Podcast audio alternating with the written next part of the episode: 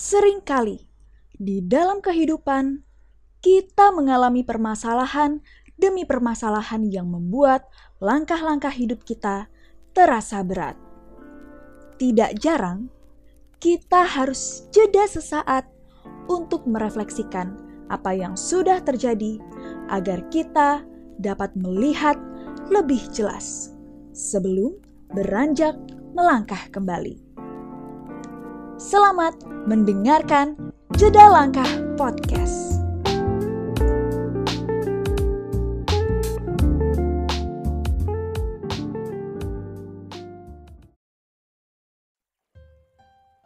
Halo, halo sahabat jelang. Apa kabar kalian semua nih? Wah, ini senang sekali nih pada malam hari ini kita bisa bertemu lagi nih di episode terbaru Jeda Langkah Podcast bersama saya Setiawan.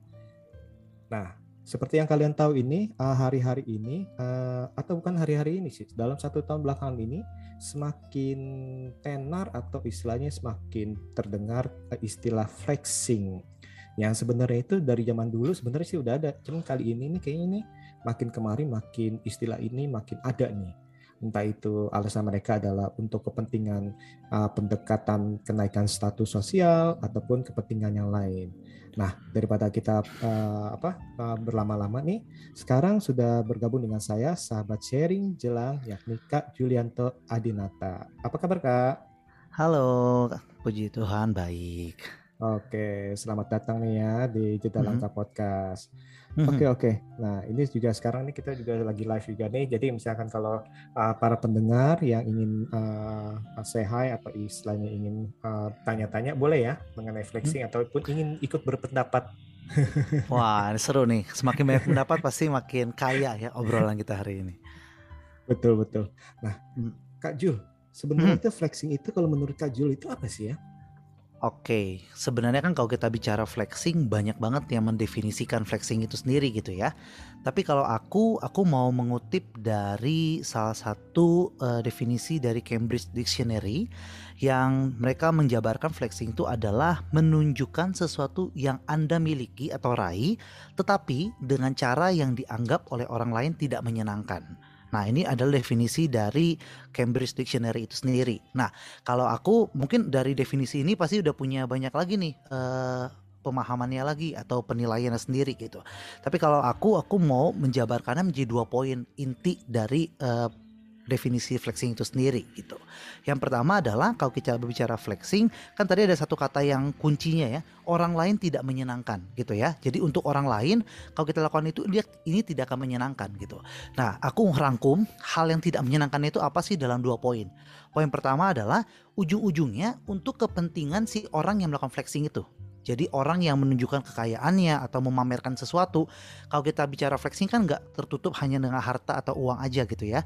Tapi intinya dia menyombongkan segala sesuatu yang dia punya dengan tujuan endingnya nanti akan ada kepentingannya gitu. Nanti ujung-ujungnya semua untuk keuntungan yang melakukan flexing itu. Itu menurut aku yang eh, poin pertama yang mendefinisikan flexing itu sendiri.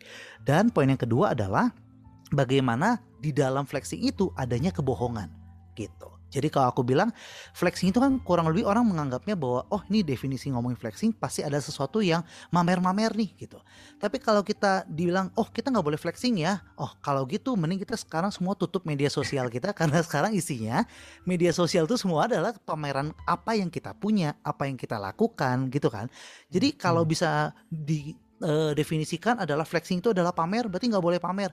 Berarti kita udah nggak relevan sama dunia gitu. Karena dunia sekarang menuntut kita untuk yuk kita ikut dalam kehidupan di mana ada media sosial, di situlah tempat kita untuk bisa memamerkan apa yang kita punya gitu, mempertontonkan kehidupan kita. Meskipun banyak orang bilang media sosial itu adalah semua yang indah, yang jelek nggak akan diposting ya. Iyalah, semua orang juga normal gitu gitu. Itu sih menurut aku dua poin intinya adalah flexing yang di mana di dalamnya eh, sekali lagi ada orang lain tidak menyenangkan gitu, orang lain tidak akan suka kita melakukan itu. Dua poin itu adalah untung eh, ada kepentingan eh, pribadi di dalamnya dan poin kedua ada kebohongan di dalamnya. Oke oke. Ini menarik nih. Karena di Merriam-Webster juga dibilang kan flexing itu mengandung arti memamerkan sesuatu atau yang dimiliki secara mencolok. Nah ini nih Hmm. mencolok nih istilahnya. Terus Mhm. kalau dalam uh, ilmu ekonomi juga flexing ini istilahnya sikap konsumtif yang mencolok juga nih menghabiskan uang untuk barang-barang yang tanda kutip mewah uh, Mhm. demi uh, untuk kenaikan uh, status at- uh, atau istilah malahan itu bisa dianggap itu uh, sebenarnya itu uh, tidak sesuai dengan uh, status sosial uh, status ekonomi mereka nih sekarang ini. Hmm. Tapi istilahnya mereka itu uh, melakukan hal itu untuk mendapatkan sesuatu nih, misalnya mencapai sesuatu untuk masuk ke sesuatu seperti itu. Nah ini sebenarnya menarik nih. Tadi itu poinnya itu tadi uh, ada kata-kata istilahnya uh, belum tentu benar atau istilahnya bahkan cenderung uh, palsu kita ngomong ya. Tapi Mhm. ada juga istilahnya ya tadi itu untuk sikap pamer nih. Eh, ini agak lucu juga sih. Kalau zaman dulu itu sebelum sebelum terkenal flexing flexingan segala macam, eh, Mhm. di kala waktu itu handphone baru pertama kali istilahnya baru pertama kali muncul kamera segala macam Mhm. dan ada istilahnya ada eh, saya eh, ada apa eh, Friendster segala macam ya yang udah ketahuan nih usianya ya dalam arti ya. Nah, maksudnya istilahnya kalau saya pribadi ini eh, senang aja dalam arti misalnya saya eh, pesan makanan saya foto. Sebenarnya itu eh, kenapa saya buat dokumentasi bukan sebenarnya bukan buat eh, flexing nih dalam arti awalnya nih Eh, Mhm. atau istilahnya saya masukin ke media sosial kenapa norak banget sih bukan kalau waktu itu tuh eh, justru saya bilang itu untuk istilahnya eh, berkas J. istilahnya eh, sebagai berkas dengan motivasi yang istilahnya benar-benar tulus saya nah Mhm. tapi ternyata sekarang ini eh, motivasi itu eh, banyak yang berubah dalam arti ya kan Mhm. kadang-kadang kan kita kan foto oke kita foto eh, liburan keluarga liburan sama istri sama suami ataupun sama anak sama eh, orang tua ayah ibu. Kadang-kadang ini eh, kita ini eh, sekarang kan kayak udah sudah jarang eh, ngeprint foto album ya bener gak sih bener ya betul betul banget, betul ataupun banget. kita ngeprint ditaruh di Inka itu kayak udah udah jarang ya. Jarang banget ya, kecuali untuk hiasan rumah aja kali ya kak ya. hiasan rumah juga mungkin biasa itu yang foto bayi, foto anak, atau foto, foto pernikahan. Nah, ini Betul, kayak betul, Kak, betul. Nih mau, mau mau lahiran nih mungkin nih nanti foto bayinya di mana-mana nih. Pengalaman saya soalnya. Oke, tapi aku setuju sama Kak Siama banget tadi kan eh, ngomongnya kalau sebenarnya motivasi kita nggak buat eh, pamer kok atau buat flexing gitu. Kita benar-benar tulus untuk misalnya lagi pengen makan apa kita foto gitu. Aku pun melakukan hal yang sama Kak. Kalau bagi aku, aku menggunakan media sosial tuh buat apa? Ini untuk nanti jadi di akhir tahun kan kita suka nih kalau di Desember kita mulai melihat nih perjalanan kita setahun ini ngapain aja ya gitu. Dan otak kita kan nggak akan mengingat dari Betul. Januari sampai Desember detailnya gini nih. Nah, kalau aku menggunakan media sosial aku ini untuk memperingatkan aku kembali, ini loh yang sudah aku lakukan selama setahun ini gitu. Tanpa bertujuan untuk mau sombong atau mau apa gitu. Walaupun nanti sebenarnya kalau kita ngomong tujuan, nanti ada eh, bercabang lagi nih media sosial ini banyak banget gitu. Nanti akan ada pertanyaan lagi seperti ini. Kalau gitu apa bedanya flexing atau sombong sama lagi marketing? Lah, Oke. nanti ada beda lagi dong. Nah, kalau maka aku sih nggak setuju sama orang yang berpendapat kalau flexing itu identik dengan pamer-pamer. Pokoknya kalau kita upload apa pun, wah flexing, flexing. Nah, makanya aku menambahkan dua unsur tadi. Kalau di dalamnya nggak ada untuk kepentingan pribadi gitu ya, nggak nggak merugikan orang lain juga, dan di dalamnya nggak ada kebohongan, aku rasa itu bukan bagian dari flexing. Itu sih pendapat aku ya. Jadi kalau ada nggak orang yang menggunakan media sosial, orang yang emang pengen upload, tapi nggak tujuan buat untuk sombong, tapi emang bener-bener jadi kayak itu history dalam kehidupannya, ya wajar. Dan itu bukan bagian dari flexing. Itu sih menurut aku kan. Oke, jadi kan itu kan kita bilang kan eh, mengenai motivasi ya dalam arti walaupun dalam arti belum tentu istilahnya eh, orang lain yang melihatnya itu eh, menanggapinya berbeda. Dalam arti mungkin aja kita dengan motivasi tulus ini untuk sebenarnya untuk berkas nih. Istilahnya Mhm. kita pergi ke mana pergi ke mana pergi ke mana untuk berkas saja.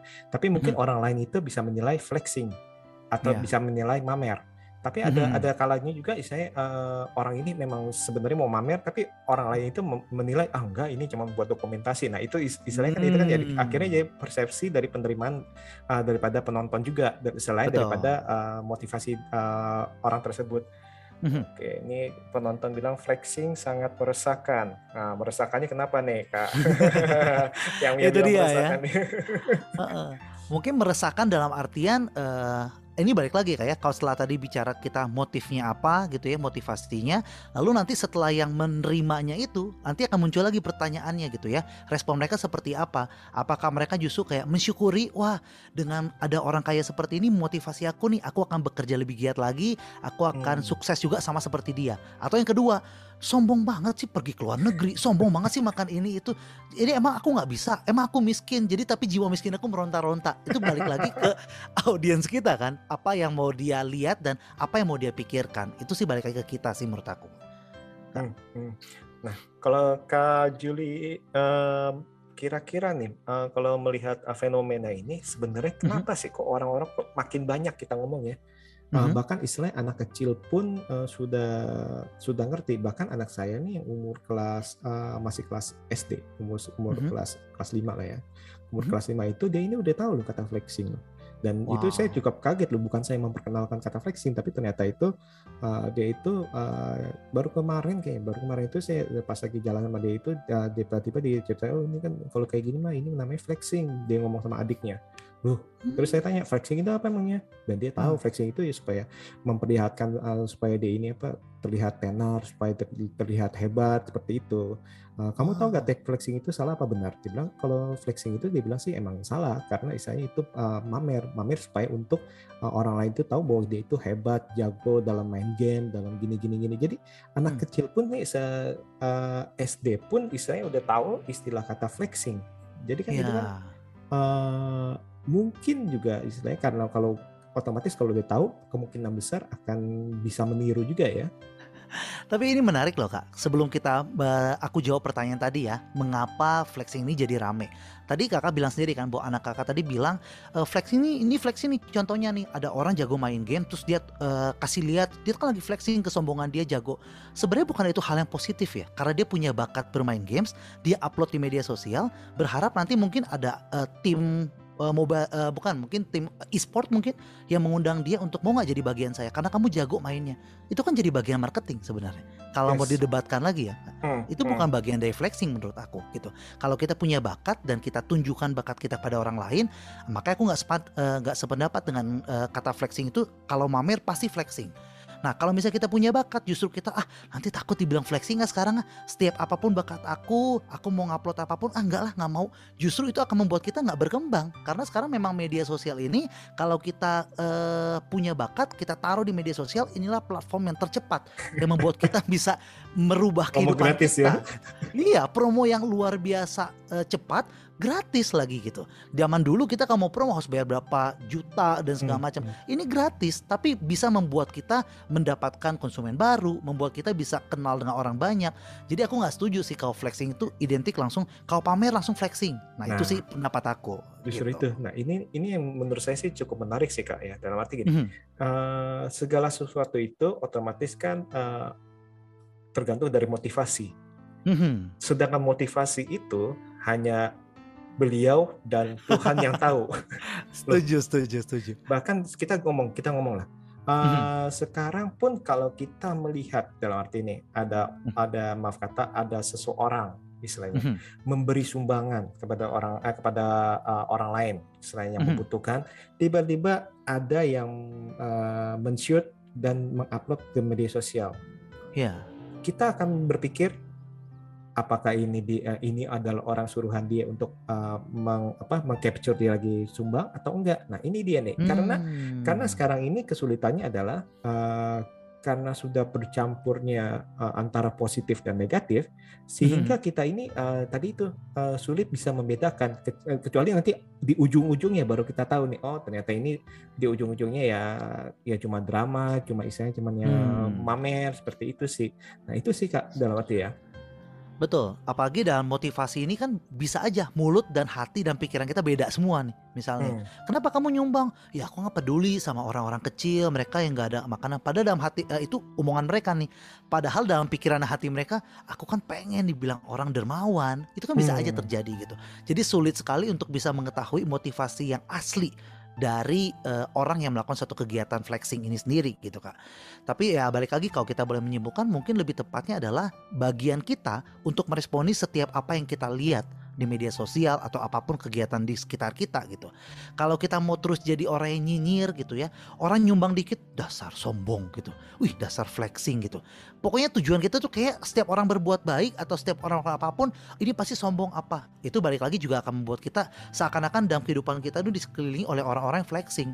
Padahal bisa aja kan misalnya pas ada orang memberi, bener-bener dia tulus memberi, tapi tiba-tiba ada orang yang menguploadnya, terus dia pun nggak sadar kalau dia tuh diupload. Itu kan bisa terjadi juga gitu.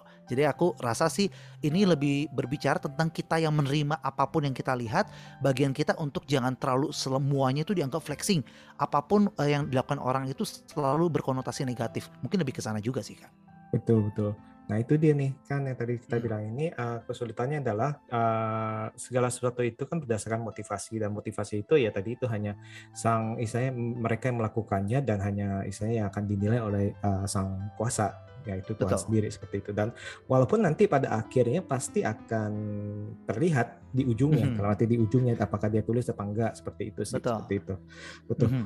Eh, tadi kan sempat sempat bilang lah apa apakah ini sebagai media promo atau istilahnya branding ya kita kalau sekarang Iya. kan ngomongin kan branding branding branding ya karena kadang-kadang itu memang otomatis itu untuk eh, nge-branding sesuatu atau Mhm. bisa disebut itu mungkin keinginan untuk mengaktualisasi diri kali ya, untuk diakui ya dalam arti untuk menunjukkan ini saya bisa ini loh bisa A bisa B bisa C istilahnya Mhm. seperti itu kan otomatis kan eh, kita eh, sebagai manusia otomatis itu akan menunjukkan seperti itu karena Mhm. eh, kesulitannya adalah sekarang ini kalau kita nggak menunjukkan nanti bilang kita nggak bisa dalam arti atau Betul. menyembunyikan istilahnya tapi kalau kita eh, menunjukkan apa yang kita bisa dianggap pamer nah ini dia nih seperti Hmm. ini nih nah kalau kalau Kak Jul sendiri itu melihat sebagai apa eh, media branding gimana? nih? balik lagi nih, kalau kita berbicara flexing dan kalau kita kaitkan dengan dunia ekonomi, sebenarnya flexing ini adalah salah satu cara marketing untuk Hmm, membuat betul. uh, konsumen kita mau membeli produk kita. Dan setelah ditelusuri ternyata flexing ini adalah gaya marketing yang soft soft selling banget. Kan ada yang hard selling, ayo beli produk kami gitu. Bayangkan kalau misalnya orang dia cuma cerita, aku cuma cerita aja sih, aku bisa Hmm, dapat hmm. ini ini ini ini.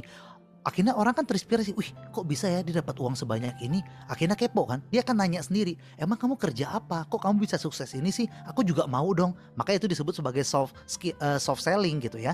Karena sekali lagi kita nggak menggunakan kata-kata, ayo beli produk saya, produk saya bagus atau segala macam. Tapi dari testimoni hidup kita, akhirnya orang tertarik gitu. Jadi kalau aku bilang menyikapi tentang eh, flexing dan branding ini, menurut aku baik lagi. Aku sangat tidak setuju orang itu semua memfleksikan segala sesuatu. Kalau ada di media sosial lagi semua oh, flexing flexing, aku nggak setuju. Nah aku mau contohin dari kehidupan aku aja boleh ya kak ya? Hmm, hmm, Karena boleh. di di Instagram aku kalau misalnya kakak boleh follow gitu ya, ini sedikit promosi nih. Nah ini Boleh, branding ya. Isinya isinya adalah setiap minggu aku eh, aku ngejob. Aku adalah seorang master of ceremony gitu. Jadi aku eh, MC. Jadi aku selalu bahkan setiap aku ngejob aku punya namanya photographer event. Di mana Oke. tugas dia adalah untuk fotoin aku, aku ngejob di mana pun, apa pun yang aku lakukan tolong difoto. Hasilnya nanti aku akan upload gitu.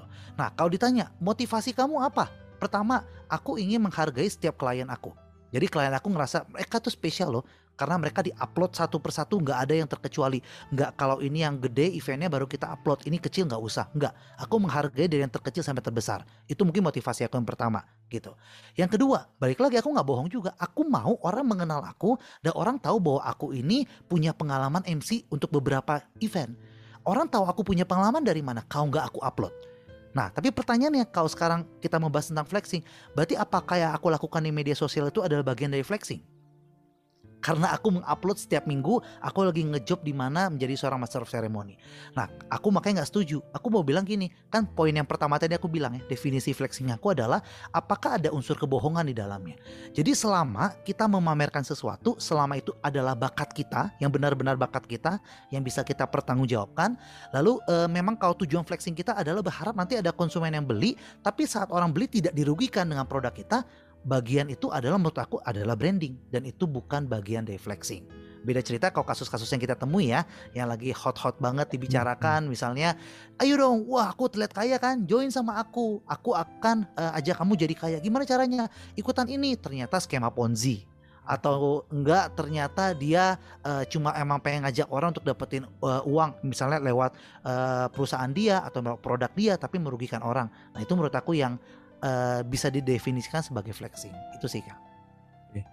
Ini menarik menarik sih dalam arti eh, jadi yang tadi itu diutamakan mengenai kebohongan. Nah, Mhm. permasalahannya adalah hmm, sebatas mana bohong itu istilahnya eh, dianggap bohong atau bohong Mhm. itu dianggap sebagai pencitraan. Dalam arti gini, saya mungkin eh, dalam arti gini, eh, kayak tadi itu eh, memakai apa, eh, memakai foto, istilahnya eh, hand- menyewa handphone, ya, iPhone terbaru Uh, maaf misalnya Mhm. kalau branding yang baru ya branding ya uh, Ya. pakai iPhone yang terbaru disewa habis itu sekarang kan katanya konon ada penyewaan penyewaan handphone mewah atau Hmm, penyewaan betul. penyewaan uh, pesawat untuk difoto dan lain-lain istilahnya buat rame-rame istilahnya gitu uh, jet, uh, jet pribadi nah uh, ada beberapa itu dalam arti gini ini untuk dia ini branding dulu istilahnya Mhm. sekarang ini saya belum punya nih istilahnya tapi saya ingin supaya istilahnya orang ini uh, melekat ini uh, salah satu ada ada istilahnya uh, sosial istilahnya eksperimen di HBO itu uh, Mhm. tadi itu dalam arti uh, dia ngambil tiga orang habis itu orang biasa manusia biasa bukan siapa-siapa. Tapi habis itu uh, mereka itu ngebus dengan foto dengan apa dengan apa. Akhirnya itu ya itu banyak-banyak brand. Akhirnya itu uh, nganggap oh ini orang terkenal nih orang terkenal orang terkenal nih. Nah dalam arti Hmm. eh, sebatas apa nih dalam arti? Eh, orang itu boleh eh, menciptakan sebuah brand ini dengan istilahnya polesan-polesan dikit lah dalam arti sebanyak apa atau sedikit Hmm. apa. Ya, maksudnya seperti itu kalau menurut Kak Jo. Ini menurut aku ya, jadi mungkin akan banyak yang berbeda pendapat sama aku, tapi ini eh, persepsi dari aku gitu. Kalau aku memandang saat sudah pakai eh, beli iPhone tapi bukan punya kita, udah beli sesuatu dan itu bukan punya kita, langsung menurut aku itu udah bagian dari flexing dan tidak akan pernah aku lakukan. Itu sih bagian aku ya. Karena bagi aku maupun, tapi kan ini kan media promosi untuk mempercepat gitu. Betul. Tapi kalau kita mau bilang ini media promosi, sebenarnya kalau misalnya kita mau eh, branding gitu ya, kita akan mulai dari yang kecil. Wah, tapi lama, memang lama, tapi itulah proses untuk menuju kesuksesan.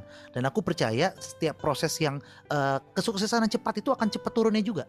Tapi kalau kesuksesan yang perlahan tapi pasti gitu, maka juga akan bertahan lebih lama. Nah, itulah aku bicara dengan branding juga. Kalau aku kaitkan misalnya dengan usaha aku sendiri MC gitu ya Hmm, em, di awal jelek loh. Misalnya mungkin fotonya masih biasa aja, mungkin eh, penampilannya juga masih biasa banget, malah kelihatan jelek gitu. Tapi aku tidak akan pernah hapus eh, foto-foto itu. Kan ada orang yang tipenya dihapusnya, jelek ah, malu-maluin. Mending yang sekarang yang bagus-bagus aja. Kalau aku aku harus dihapus sih katanya. kalau aku adalah tipe orang yang jangan dihapus justru.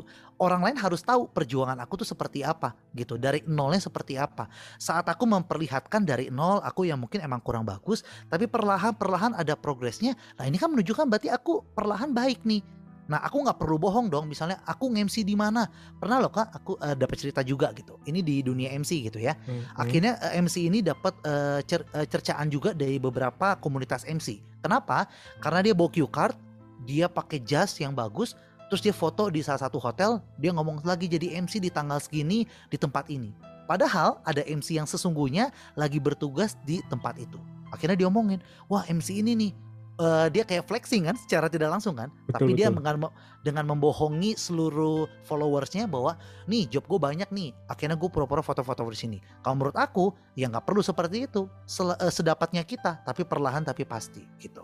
Jadi kalau sampai foto-foto yang aku posting berarti aku pastikan bahwa itu tidak ada yang tipuan sama sekali itu beneran yang sudah aku lakukan dan makanya aku nggak usah takut untuk upload. Aku tidak akan termasuk dalam bagian flexing karena itu tidak mengandung unsur kebohongan itu sih menurut aku batasannya sih kak Oke, oke, oke. Menarik nih, menarik nih. Nah, Hmm. nah eh, tadi kan kita bilang nih, kalau gitu Hmm. eh, saya mau nanya juga nih, sebenarnya kalau kalau untuk eh, membangun brand itu menurut Kak Jul ini yang yang baik gimana ya? membangun brand ya Ya, brand, ah, brand pribadi. brand pribadi ya menurut aku sih ya itu caranya gitu perlahan tapi pasti sih ya. Kalau tadi kan kita berbicara flexing itu adalah cepat tapi ada ada unsur tipuannya tapi nggak apa-apa lah dipoles-poles dikit tapi nanti kalau udah bagus kan jadinya nggak nipu misalnya bisa ngomong istilahnya seperti itu pembelaannya tapi kalau aku sih nggak setuju dengan itu aku selalu percaya dengan proses dengan eh, brandingnya adalah eh, melakukan segala sesuatu yang benar-benar kita lakukan dan itu berprogres dan sebenarnya nggak harus terlihat mewah dulu di awal. Aku sih Hmm, lebih setuju hmm. sana gitu. Banyak orang supaya dia mau cepat sukses, brandingnya adalah selalu harus terlihat mewah, harus terlihat mahal gitu. Nah aku sih nggak berpendapat dengan itu. Menurut aku branding juga bisa kita lakukan dengan cara menunjukkan proses. Nah aku memilih yang itu sih, dengan menunjukkan proses. Oke, oke. Ini sih sebenarnya menarik sih dalam arti eh, flexing itu kan bisa dipandang positif ataupun bisa Mhm. dipandang negatif. Pandang, pandang positif ini kadang-kadang ada, ada orang yang bilang gini, lah itu kan mereka kan didapetin dari usaha mereka dipamerin nggak apa-apa dong. Dalam arti gini, Hmm. For example Mhm. uh, ada orang misalnya sudah bekerja selama sebulan terus karena dia ingin membeli sebuah tas brand istilahnya atau sepatu brand tertentu akhirnya dia beli istilahnya kan Mhm. dan istilahnya dia untuk menghargai usahanya dia ya dia foto nih akhirnya nih dengan usaha saya nih saya bisa beli nih Mhm. Nah, itu kan secara sadar atau nggak sadar dalam arti kan eh, sebenarnya itu kan eh, adalah sifat yang manusiawi istilahnya dalam arti kita ngomong ya Mhm. untuk Hmm. memamerkan apa yang telah dicapai nih sebenarnya seperti itu nah setuju nggak Setuju. Makanya aku tidak mengkategorikan contoh yang kakak bilang tadi ya terdalam anggota flexing gitu. Karena Hmm. misalnya eh, aku udah berusaha, akhirnya aku beli uangnya eh, ngutang nggak? Enggak. Uang pribadi. Bohong nggak belinya atau sewa dong? Enggak. Terus Oke. kenapa? Salahnya di mana? Karena nggak ada unsur kebohongan dan aku tidak merugikan siapa pun. Nah di situlah karena kalau ini tidak dibahas maka ini sebenarnya topik yang sangat menarik sekali. Kalau flexing ini semua eh, unsurnya ya tadi, pokoknya pamer pasti flexing. Gak ada yang berani upload apa pun, bener nggak kak? Dan kita tuh satu sisi pasti akan seperti ini nih. Aku tuh mau upload, aku tuh pengen gitu. Karena memang dasarnya manusia kan memang aktualisasi dirinya gitu ya.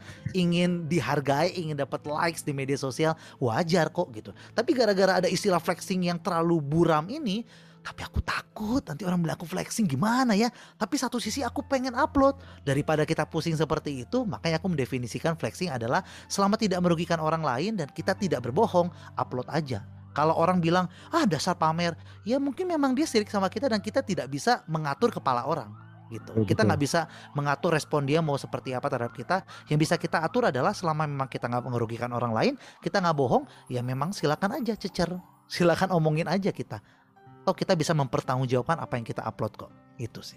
betul nah ini ada yang bilang self reward ya betul self reward ya tadi ya benar ya Setuju. Dan uh, ini nanti kalau misalkan kalau para penonton nih, halo Kak Firly, Kak Ami, apa kabar nih? Oke, nanti misalkan kalau ada yang pengen bertanya nih, silakan langsung tanya aja ya. Atau saya ya, ingin berpendapat, Cie, Mhm. iya nih menurut menurut saya nih uh, flexing ini gini gini gini, atau iya nih lagi saya mau flexing nih nggak apa-apa ya misalnya gitu. Tapi aku tadi belum menjawab pertanyaan dari kakak nih. Boleh aku jawab nggak? Tadi Boleh, kan boleh, pertanyaan boleh. dari kakak adalah bagi, eh, kenapa flex itu begitu marak betul betul. di akhir-akhir ini ya? Mm-mm. Kalau aku berpendapat kenapa begitu marak? Jawabannya adalah karena masyarakat kita sendiri suka dengan itu. Hmm, betul, setuju. Kalau aku memandangnya seperti itu ya. Karena kalau aku lihat rentetannya, sebenarnya yang kita lakukan hari ini ini adalah proses yang sudah panjang sekali. Dimulai dari mana? Kita dulu pernah lihat namanya ada konten kasih lihat dong isi ATM kamu berapa. Wah, semua berbondong-bondong. Padahal ngapain kan? Kita mikirnya gitu kan. Lalu nggak selesai di sana. Sebelumnya juga pernah. Eh, berapa nih harga outfit lo? Wah, Iya, dari betul. ujung kepala sampai ujung kaki. Tapi dibilang itu kan flexing semua ya kayak ATM Hmm. kita, harga outfit kita itu flexing. Tapi ya coba, apakah itu sepi peminat, sepi penonton? Jawabannya banyak penontonnya. Makin Gitu. banyak malah. Mm. Malah makin banyak karena makin banyak akhirnya orang merasa gimana nih ya supaya saya bisa jadi influencer, saya bisa jadi you- eh, YouTuber, saya bisa jadi eh, orang yang bisa berdampak dapat uang dari AdSense dan lain-lain. Ya udah, pakai itu aja. Toh laku kok. Masyarakat suka banyak yang nonton. Sebelum itu kita juga tahu ada yang namanya eh, ngasih uang. Pura-pura Hmm. jadi pengemis dulu, Betul, akhirnya betul. ngasih uang. Tapi coba kita lihat view-nya banyak nggak? Banyak. Banyak Coba kalau sekali. view-nya view-nya nggak banyak, nggak akan dibuat lagi konten itu. Tapi balik lagi karena masyarakat kita suka gitu. Perlahan dunia artis akhirnya mulai ada eh, konten-konten yang grebek-grebek rumah, nunjukin seberapa indahnya rumah. Tapi bukannya itu yang apa ya satu budaya yang kita bangun perlahan gitu. Cuma karena sekarang flexing ini digabung dengan penipuan, jadi kita kayak merasa wah ini haram nih flex ini. Padahal kita jujur aja deh sama diri kita, bukannya kita yang menyukai ke- kegiatan tersebut kita yang suka dengan gaya-gaya seperti itu. Kenapa sekarang teriak flexing itu berbahaya? Yaitu karena sekarang flexing itu digabung juga dengan eh, penipuan-penipuan yang bahkan merugikan miliaran rupiah untuk banyak masyarakat Indonesia. Itu sih menurut aku sih kan. Tapi di satu sisi kalau kita liatin apa uh, di salah satu apa salah satu kita bilang itu serial lah yang si Mhm. Ana ya dalam arti ya Mhm. yang istilahnya uh, itu dibukakan bahwa ternyata itu untuk masuk ke istilahnya ke kalangan tertentu ya kita harus Mhm. menjadi seperti kalangan itu. Iya. Jadi istilahnya kan gini, uh, ada ada pepatah bilang uh, kamu harus bergaul dengan orang yang sukses agar kamu sukses. Janganlah kamu bergaul dengan orang biasa, uh, istilahnya yang tidak sukses untuk uh, karena kamu akan tidak sukses juga. Nah, sedangkan untuk uh, kita bergaul kepada orang sukses terkadang itu mereka mempunyai istilahnya kelompok ataupun uh, istilahnya kita bilang kelompok lah, kelompok tersendiri di mana itu benar-benar eksklusif. For example, ya. kalau kita ingin uh, masuk ke golongan yang istilahnya kita bilang kalangan atas, belum tentu kita serta merta itu akan di, diterima seperti itu. Kalau kita tidak uh, tidak misalnya tidak uh, terlihat kita ngomong ya, tidak terlihat ya, uh, seperti mereka dan itu memang kurang lebih memang itu sifat-sifat dari dulu ya dalam arti ya. Dalam arti kalau kita misalnya ke, masuk ke kelompok ya. baru dan kelompok itu merasa istilahnya kok tidak sesuai ini, mereka akan mencoba istilahnya uh, tidak langsung bisa menerima kita nih sampai kita, mereka percaya. Jadi lebih mm -hmm. lebih gampang itu adalah kita ini istilahnya uh, setidaknya itu menempatkan diri kita itu seperti mereka. Nah itu kan kadang-kadang kan hmm. kan yang yang akhirnya itu uh, secara sadar nggak sadar itu dilakukan juga nih dan ini akhirnya akhirnya ini dalam arti jadi mencampur akhirnya itu antara bingung nih ini hmm. positif apa negatif. Nah kalau menurut Kak Jul gimana? Kalau aku aku tetap mengatakan ini suatu hal yang negatif untuk kasus yang ini, itu kayak. Ya. Jadi tadi kakak bilang bahwa untuk diterima di satu tempat kita harus seperti dia gitu. Dan hmm, misalnya hmm. seperti dia itu misalnya dia tuh pakai baju mewah loh. Masa Betul. aku pakai baju nggak mewah? Kalau aku mau masuk komunitas ini, berarti aku harus pakai baju mewah. Tapi pertanyaannya apakah kita sudah di titik itu? Kita mampu untuk beli baju mewah sama seperti lingkungan tersebut. Kalau kita belum mampu ke sana, ngapain kita paksa diri kita yang ujung-ujungnya malah membuat kita bunuh diri? Gitu. Apalagi bisa kayak sekarang nih. Gampang kita beli aja, kita head on aja, kita belanja kan ada pay later. Nanti bayarnya perkara nanti aja. Pokoknya kalau mau misalnya keren nih kasusnya nih. Uh, di lingkungan tersebut ini pakai baju branded branded kamu beli aja dulu nanti urusan bayar gimana belakangan tapi kan nanti orang tersebut yang akhirnya nggak bisa bayar juga ujung-ujungnya karena memang belum mampu yang ada kan dia terlilit utang dan terlibat masalah nantinya gitu kalau solusi gimana dong kalau menurut aku uh, untuk kasus yang ini dulu ya gimana kalau misalnya dia nggak mampu untuk beli barang-barang mewah sedangkan orang menerimanya harus pakai baju mewah atau barang-barang mewah? Ya jangan masuk komunitas itu dulu. Komunitas itu kan banyak gitu. Kalau aku ya ini sekali lagi pendapat aku mungkin bisa berbeda. Kalau aku memilih untuk ya udah mungkin aku memang untuk belum bukan untuk lingkungan ini atau belum untuk masuk lingkungan ini. Tapi karena kau bisa step by step dulu gitu. Untuk step by step kalau memang nanti sudah mampu untuk beli barang-barang mewah dan ingin masuk uh, ke dalam komunitas ini ya udah baru perlahan beli dan bergabunglah kalau memang mau. Tapi kalau uh, bilang apakah semua komunitas seperti itu kan enggak. Tapi memang harus diakui di uh, kalangan kita rasanya untuk menerima seseorang itu terlihat dari penampilannya. Hmm. Nah, ini yang mungkin yang menurut aku yang salah juga yang paradigma ini harus diubah kalau kita mau keluar dari permasalahan flexing ini juga gitu. Artinya apa? Uh, kalau aku lebih setuju gimana cara kita menilai orang lain sih bukan dari apa yang dia pakai apa yang uh, misalnya berapa dompetnya, berapa isi ATM-nya gitu. Tapi aku banyak kok menemui orang yang mungkin ATM-nya biasa aja, bajunya juga biasa aja, tapi dari karakternya, kepribadiannya, orang yang luar biasa. Nah, lebih baik kita menghargai orang dari kepribadiannya. Itu akan membuat lebih fair ya. Walaupun pada nyatanya kalau kita mau balik ke reality yang memang itu belum belum belum dilakukan ya, belum betul. seperti itu. Kita masih menilai orang dari apa yang mereka pakai. Betul, gitu. betul. Paling gampang itu kalau kita ke istilahnya ke toko barang mewah dan kita istilahnya mm-hmm. menggunakan pakaian atau sendal jepit ataupun yang istilahnya kita bilang itu tidak sesuai dengan dress tanda kutip dress code mereka. Iya. Eh, ini jujur, ini pengalaman saya, pengalaman Waduh. saya berarti. Pengalaman oh, saya itu nih? waktu itu saya ingin uh, waktu saya mau menikah. wow. waktu okay. itu saya lagi nyari jas. Nyari Aha. jas, habis itu uh, saya coba masuk ke istilahnya ke pembuat jas istilahnya.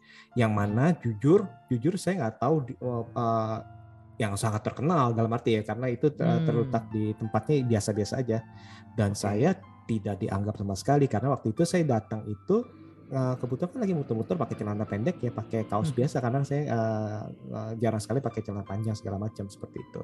Nah, hmm. uh, dan benar-benar maaf maaf kata saya benar-benar nggak dianggap sama sekali. Wow. Dan itu cuma jas loh. Hmm, ya, ya, ya, cuma ya, jas ya. penganten istilahnya dan yang saya lihat itu ya ampun dalam arti uh, kalau dilihat harganya juga saya masih mampu sih. Tapi karena karena dia uh, memperlakukan saya seperti itu ya kalau saya bukannya bukannya orang yang akan wah karena kamu memperlakukan saya seperti itu saya akan beli. Mana mana ya, mana barangnya ya, saya beli? ya. saya ngapain? Saya akan memperlakukan sebaliknya. Oke kamu kamu nggak nggak memperlakukan dengan ini. Dan waktu itu yang memperlakukan saya itu sepertinya itu bukan maaf kata itu bukannya bawahan dalam arti malah yang oh. istilahnya yang udah cukup atas. Dan dan itu cukup hmm. kecewa dan istilahnya itu ya mau nggak mau ya pasangan saya waktu itu sih ngomong ya mungkin karena uh, karena pakaian kita seperti ini ya udah. Saya bilang ya nggak apa-apa masih banyak jas yang lain kok. Ya betul ya, ya, seperti ya, itu sih. Nah itu itu pengalaman saya sih dan ya seperti itu sih. Dalam arti uh, manusia itu memang uh, secara secara dalam arti secara naluri itu akan menjudge seseorang itu melalui penampilan uh, pasti pasti kita pernah deh, pasti kita pernah, pasti kita Setuju. pernah dalam seumur hidup kita uh, uh, adalah dalam arti maaf kata itu munafik kalau kita ngomong saya nggak pernah. Itu itu nggak mungkin nggak mungkin. Betul, bahkan betul. dalam arti ada orang yang yang mendatangi kita seperti apa kadang-kadang itu kita tersirat oh ini orangnya pasti kayak gini nah, seperti itu sih. Dan itulah kenyataannya ada di dunia sih seperti itu. Dan akhirnya itu uh, uh, yang membuat seseorang itu istilahnya uh, mengcover bisa mengcover diri mereka Betul. itu dengan sesuatu yang yang lebih baik dalam arti walaupun itu bukan diri mereka sendiri ataupun orang bilang flexing ataupun orang zaman dulu bilang pakai topeng mereka pakai saya pakai mm seperti itu segala macam sih. Nah itu sih. Dan ini menariknya tadi itu yang saya bilang itu memang dalam arti kadang-kadang itu karena tuntutan dari sosial kita nih istilahnya. Kalau mm kita mau masuk ke ke golongan mereka kita harus istilahnya harus uh, berusaha flexing. Bahkan istilahnya kalau bisa itu mm kita pamerin dulu nih pamerin dulu nih. Sini deh sini. Uh, saya saya belanjain kamu deh saya traktir deh saya traktir istilahnya. Betul. untuk untuk uh, untuk dalam arti oh iya ternyata dia ini ini nih ataupun uh, kalau istilahnya uh, emang sulit sih uh, misalkan kalau kita mau bisnis nih misalnya kita mau uh, sama seseorang orang itu akan nanya loh kamu ini mm-hmm. siapa Setuju. kecuali kita bilang oh ini ini teman saya adalah A adalah B ada C yeah. bisa relasi nah itu akhirnya yeah. ya itu kan memflexingkan relasi mereka juga relasi dan dan untuk untuk untuk dipercaya akhirnya itu mereka itu salah satu caranya yaitu saya uh, dengan cara flexing yang mungkin yang tadi itu kata Kak Jul ini ya mereka itu uh, mengeluarkan uang yang uh, mungkin di luar kemampuan mereka atau berbohong dengan misalnya tadi itu dengan cara uh, berbagai macam cara lah seperti itu sih. Nah, ini dia nih, ini dia nih. Hmm. Aku tapi jadi belajar tentang flexing penampilan ya kak ya. Hmm. Memang hmm. semua uh, wajar lah, pasti semua orang pernah merasakan juga kalau misalnya tampilannya nggak meyakinkan, rasanya kita nggak dilayani dengan baik gitu. Tapi aku jadi belajar dari satu cerita dan akhirnya aku mengalami sendiri gitu ya. Ceritanya adalah uh, aku dapat uh, uh, sharing gitu ya. Sharing mengatakan bahwa gini, coba deh cek orang terkaya di dunia. Apakah mereka berlimbang emas di tangannya? Atau penampilan mereka dengan barang-barang branded gitu, coba kita uh, cek Warren Buffett. Hmm. Coba kita cek Mark Zuckerberg. Bahkan yang paling menarik Mark Zuckerberg itu setiap hari selalu pakai kaos yang nggak pernah ganti kelihatannya hmm. gitu. Setelah ditanya isi dalam lemarinya semuanya dia punya uh, model baju yang sama tapi belasan gitu. Karena hmm. dia berpikir setiap hari saya harus memutuskan banyak uh, pilihan dalam hidup saya dan saya nggak mau pusingin harus pakai baju apa hari ini gitu. Itulah orang kaya sesungguhnya kan yang benar-benar hartanya itu yang udah besar.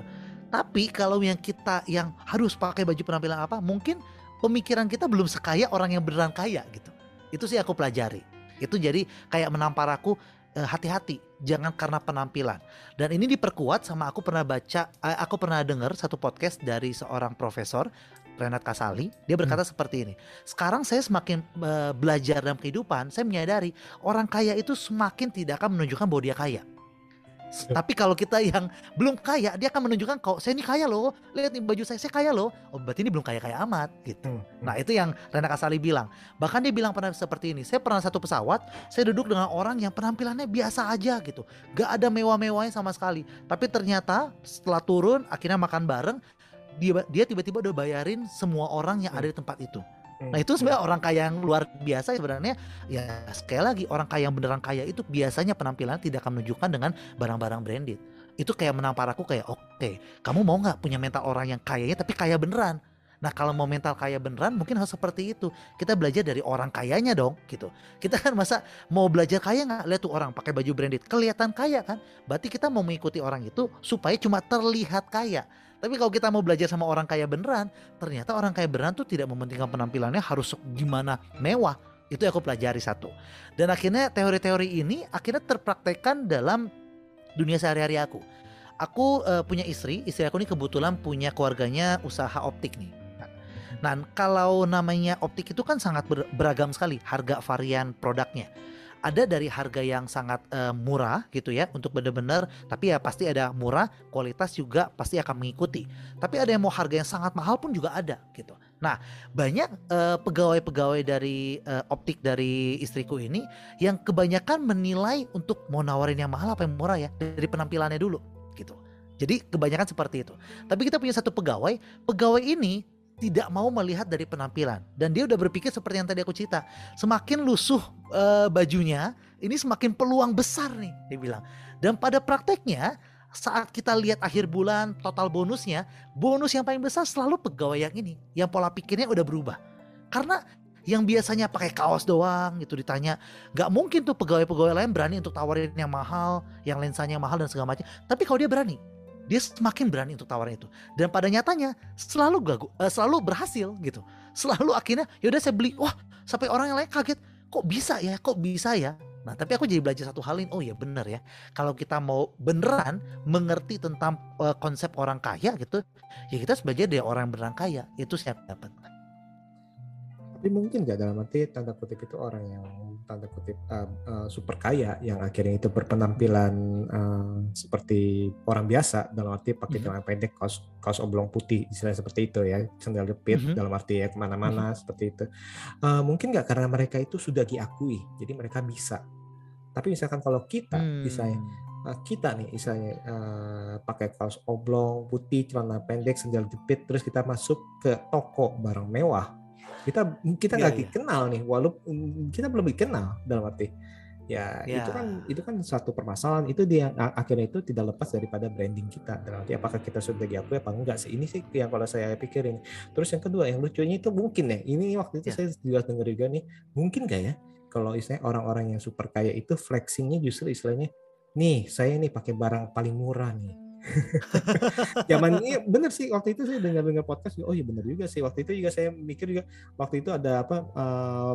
pernah nggak saya uh, apa flexing flexingan nih gue uh, bisa beli beli dengan harga uang ceban nih gue bisa beli apa aja nih nah mungkin, ya, mungkin yeah, mereka yeah. juga seperti itu kali ya dalam arti nih gue nih uh, bisa beli uh, apa uh, jam tangan merek ini nih ya dengan harga yang paling murah sih mungkin kali ya Betul ya, bisa jadi juga ya. Karena mereka udah terlalu bosan dengan flexing barang mewah, mereka ganti sekarang jadi flexing dengan produk-produk yang murah. Tapi aku setuju juga sama pendapat Kasiawan tadi yang mengatakan bahwa apakah mereka udah aktualisasinya sudah tercukupi. Jadi hmm, mereka hmm. akhirnya nggak butuh lagi gitu ya. Betul, nggak nah, butuh pengakuan Betul sih. Jadi mereka sudah udah cukup kenyang dengan pengakuan, udahlah nggak perlu lagi orang udah tahu aku siapa gitu. Tapi kalau ditanya, nah karena itulah aku kan belum punya, aku belum diberikan aktualisasi ini. Itulah yang membuat aku akhirnya menggunakan flexing supaya dihargai. Kalau aku sih menjawabnya gini, ya kenapa nggak mengikuti proses aja gitu. Kalau memangnya kita mampu untuk membeli barang yang branded atau barang-barang mewah supaya kita mendapatkan aktualisasi diri, apakah itu salah? Aku rasa juga enggak self reward yang tadi dikatakan oleh pendengar kita uh, oleh sahabat jalan juga nggak salah gitu kalau kita mampu beli ya silakan beli. Akhirnya kita mampu beli, akhirnya makin banyak lagi barang-barang dari kita, terus kita akhirnya uh, diberikan uh, rezeki yang cukup banyak, kita beneran kaya. Pada satu titik nanti kita akan merasakan, waduh cukup lah aktualisasi dirinya deh. Akhirnya kita akan beli barang-barang, kembali lagi ikutin orang yang kaya beneran kaya gitu. Mungkin kita nanti suatu hari akan pakai kaos oblong lagi. Kenapa? Karena udah cukup puas gitu. Tapi kan yang jadi permasalahan di sini adalah orang itu memang belum sampai di tahap untuk diaktualisasi diri, untuk diaku, tapi mereka butuh untuk diaku secepat secepatnya. Hmm, hmm, hmm, betul. Nah itu yang mungkin jadi masalah di sini sih. Di masalah flexing ini inilah permasalahannya. Jadi kalau aku mau nangkep, kalau memberikan uh, konsep berpikirnya adalah kalau selama kita berusaha dan kita memang belum sampai di tahap yang level orang kaya, jangan sok kaya gitu. Justru saat kita itu kan kesimpulan itu kayak. Ya. Jadi kalau misalnya kita malah jadi aku belum mampu nih, tapi pengen kelihat mampu detik ini juga. Akhirnya aku mengusahakan mampu. Akhirnya malah ketahuan nggak mampu kan lebih malu kayak sekarang kan kita lihat di TV yang dia ngaku kaya banget dan segala macam akhirnya seperti di uh, bongkar dikupas. semua hmm. dikupas gitu loh ini loh kehidupan asli kamu kan ternyata gini gitu. Kamu semua nipu gitu. Lebih malu kan kak? Boro-boro dapat aktualisasi diri, justru dapat cercaan satu negara nih kayaknya nih nama itu gitu kan. Bahkan misalnya waktu itu ada yang heboh juga, oh itu kan jamnya palsu. Aduh. ada kan tuh yang di YouTube ya, maksudnya itu yang suka Iya. ngupas tuh, wah ini uh, flexing-flexing pakai apa, waktu itu penilaian dari kepala, ujung rambut sampai ujung kaki, terus habis itu ada Iya. ada, ada orang yang tukang buat ngupas-ngupasin tuh, oh ini jam ini nggak ada Iya, apa iya. gini-gini, jam yang tahun ini kok uh, gambarnya kayak gini kok beda gini-gini gini. lebih malu kan nggak Hmm, aku hmm, rasa sih a- akan lebih malu sih jadi nikmatilah proses jadi kalau memang kita sudah mampu dan kita beli barang yang mewah atau branded itu bukan suatu dosa dan oh nggak boleh nih kau kayak gini. Nggak kayak gitu. Itu sih menurut aku. Tapi kalau memang be- eh, sudah mampu ya silakan. Kalau belum mampu ya kerja keras dulu gitu. Utamakan kerja keras untuk mendapatkan hasil baru nanti kita akan dapat aktualisasi diri dengan sendirinya. Itu sih menurut aku. Oke oke. Iya nih ada penonton nih Kak Kiki bilang siapa nih yang suka flexing? Hayo, ayo ngaku. pasti semua orang pasti pernah flexing lah. Dalam arti secara sadar nggak sadar bahkan kita Betul, flexingin flexingin memamerkan dalam arti memamerkan ini anak saya nih Ci, anak saya Hmm. bisa ini dalam dipamer-pamerin pamerin dan istilahnya uh, tadi itu beli ini beli itu yang di luar kemampuan kita seperti itu. Yang yang mungkin ini kita bilang ini uh, mungkin mau kita pisahkan antara memamerkan dengan flexing ya. Flexing itu mungkin ke Betul. arah lebih negatif sih ya. Dalam arti di mana Mhm. istilahnya uh, memakai topengnya udah terlalu pakai topeng atau istilahnya uh, berpura-pura. Hmm. Nah ini ini sebenarnya tadi itu uh, yang kita bilang itu ini juga akhirnya itu uh, cukup sulit itu uh, dengan yang tadi kita sempat bahas itu personal branding ya. Dan arti Mhm. kan personal branding juga otomatis kita harus ciptakan, menciptakan Mhm. personal branding yang mungkin istilahnya berbeda dengan kehidupan nyata. Tapi kan itu kan otomatis sekarang udah udah harus udah harus bahkan dalam arti di dunia sales marketing pun kita harus harus uh, membrand diri kita nih sebagai sales marketing Betul, di setiap perusahaan. Dan itu Mhm. ada tuntutan-tuntutan dalam arti harus kita harus kita istilahnya sesuai dengan yang perusahaan minta dalam arti baik itu dari segi berpakaian, segi ber- tata bicara, segi Betul. istilahnya penampilan dalam arti dan itu karena penampilan menjual dalam arti Mhm. walaupun otaknya pasti menjual otaknya utama Hmm. tapi seperti itu. Betul. Tapi kalau penampilan mungkin terkecuali kali ya kak ya. Kalau Hmm. tadi aku bilang kan, eh, kalau selama dia menipunya dengan barang-barang branded, barang-barang handphone atau mungkin laptop atau lain-lain, aku langsung eh, mengatakan itu jangan deh. Tapi kalau untuk penampilan aku setuju karena kalau misalnya kita tadi lagi, oh ya udah kalau dengerin ini berarti aku akan besok penampilan apa adanya. nggak bisa gitu juga dong. Kita datang Iya. ke kantor, Pak, saya nggak akan mau flexing lagi Pak. Saya akan jadi diri saya apa adanya. Kaos Pak, nih saya akan tunjukkan Pak diri saya yang sebenarnya. Itu kan juga apa ya? Bisa. Nggak berhikmat juga kalau Nah, seperti betul, itu ya. Betul. Nah, itu dia. Dalam arti eh, jadi kita harus bijaksana dalam arti memisahkan Mhm. antara tuntutan pekerjaan kita sebagai apa. Dalam arti nggak mungkin dalam, dalam arti kita sebagai chef nggak mungkin kita pakai dasi. Dalam arti Iya. kalau chef di dalam dapur ya, maaf ya. Nah, Betul betul. Ah, ataupun misalnya kita sebagai eh, misalnya sales marketing yang uh, misalnya yang uh, branded yang harus pakai dasi ya kita harus pakai dasi. Tapi branded yang pakai santai misalnya pakai baju Hawaii celana pendek ya kita Hmm. pakai menggunakan. Nggak mungkin misalnya kita jual uh, barang mengenai pantai kita pakai dasi terus habis itu uh, jas safari. Kan mungkin itu kan nggak agak sulit. Betul. tidak sesuai. Nah, tapi ini yang kita bilangin adalah tadi itu uh, personal branding tetap perlu ada, memang ada dalam arti, tapi seberapa besar kita uh, dalam arti uh, menipu dalam tanda kutip menipu ya, Hmm, berpura-pura betul. kita ngomong berpura-pura. Kalau menipu kan agak kasar, berpura-pura. Betul betul. Tapi tadi itu dalam arti uh, kesulitannya adalah uh, society kita itu udah dari dulu lah dalam arti udah dari Hmm. dulu itu uh, kita dicekokin seperti itu dan dari dulu itu kita uh, secara nggak langsung itu diajarin untuk menyombongkan diri ataupun untuk flexing dan akhirnya itu uh, karena kita takut tidak diakui sebagai manusia aktualisasi diri kita istilahnya itu Hmm. uh, akhirnya gitu kan uh, kalau kita ngomong aktualisasi diri kan itu kan berarti kan uh, mengenai apa kata orang nih dalam arti ya kita ini Ya. masih masih masih hidup di kata uh, apa kata orang nah misalkan kalau kita masih di dalam itu itu pasti akan uh, berpengaruh dalam hidup kita nah sekarang ini kira-kira nih kalau misalkan uh, flexing flexing yang kita lihat nih misalnya ataupun yang kita mungkin di sekitar kita ini kira-kira nih dari segi psikis orang nih bisa bisa berpengaruh sebesar apa nih Kak Jul? Kalau Kak Jul pernah lihat dari pengalaman. Aku mengambil pengalaman dari ak- ke pekerjaan aku juga, Kak. karena selain aku jadi MC, aku juga sebenarnya eh, bekerja menjadi guru gitu. Hmm. Jadi aku guru dan aku melihat bagaimana eh, kehidupan murid-murid aku. Karena kalau ngomongin flexing ini saya sebenarnya yang lebih dominan nih, ini kan lebih anak muda nih ya. Anak muda Hmm, yang benar-benar hmm. lagi membutuhkan aktualisasi diri gitu. Kalau ditanya seberapa eh, psikologinya, aku juga bukan psikolog sih, aku nggak berani ngomong untuk psikologi dan lebih detailnya ya. Tapi kalau aku lihat dan ke praktek kehidupan sehari-harinya, aku bisa melihat bahwa anak-anak tuh banyak sekali tertekan, Hmm, jadi lebih sulit bersyukur dalam hidupnya. Karena hidupnya adalah si A semua bisa dapat ini, kok aku cuma segini ya? Si C bisa dapat ini dan mereka menilai itu dari mana? Cuma dari media sosial. Sekali lagi kan, media sosial tuh isinya adalah yang bagus-bagus yang diflexingkan oleh seluruh teman kita gitu. Yang terjadi adalah itu menurut aku. Jadi kalau ditanya seberapa besar dampaknya, kalau kita tidak menyadari bahwa flexing ini memang akan selalu ada dalam kehidupan kita, nanti kita akan sulit bersyukur gitu akan sulit bersyukur dan yang kedua juga yang aku rasakan adalah selain sulit bersyukur nanti kita akan hidup selalu dalam tekanan dan kita nggak bisa menikmati hidup kita. Itu eh, kalau ditarik lebih panjang lagi itu akan di- dirasakan oleh kita loh gitu. Jadi penting rasanya kita harus menyadari bahwa flexing ini nggak akan ada matinya deh. Intinya betul. jangan bilang setelah kita ngomong berarti nggak akan ada flexing lagi. Nggak mungkin. Percayalah Hmm, tahun ke tahun bahkan ini kan lagi rame gara-gara mudahnya media sosial diakses. Zaman dulu sebenarnya udah ada kata kakak juga tadi flexing itu udah ada dari lama. Tapi kenapa nggak terekspos? Karena dulu nggak ada media sosial nggak cepat nih untuk tersampaikan satu informasi kepada informasi yang lain. Nah jadi daripada kita pusing flexing kapan beresnya lebih baik mem- membereskan diri kita aja. Kita menyadari bahwa flexing itu ada tapi jangan sampai kita membuat eh, psikologi kita akhirnya terpengaruh oleh itu semua sampai akhirnya kita sulit bersyukur dan akhirnya kedua kita juga hidup dalam tekanan. Sayang banget hidup cuma sekali kita pakai untuk ter- tertekan terus karena melihat orang kayaknya lebih baik dari hidup kita. Itu sih yang aku pikir. Betul.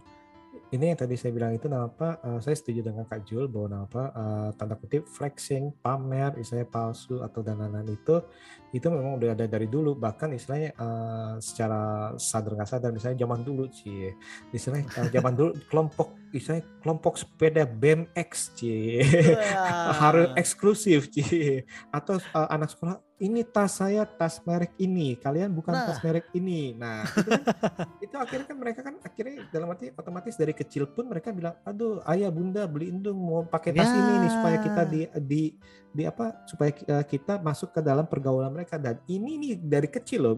Anak kecil Hmm. kan biasanya kan paling paling kejam ya. Karena paling apa adanya.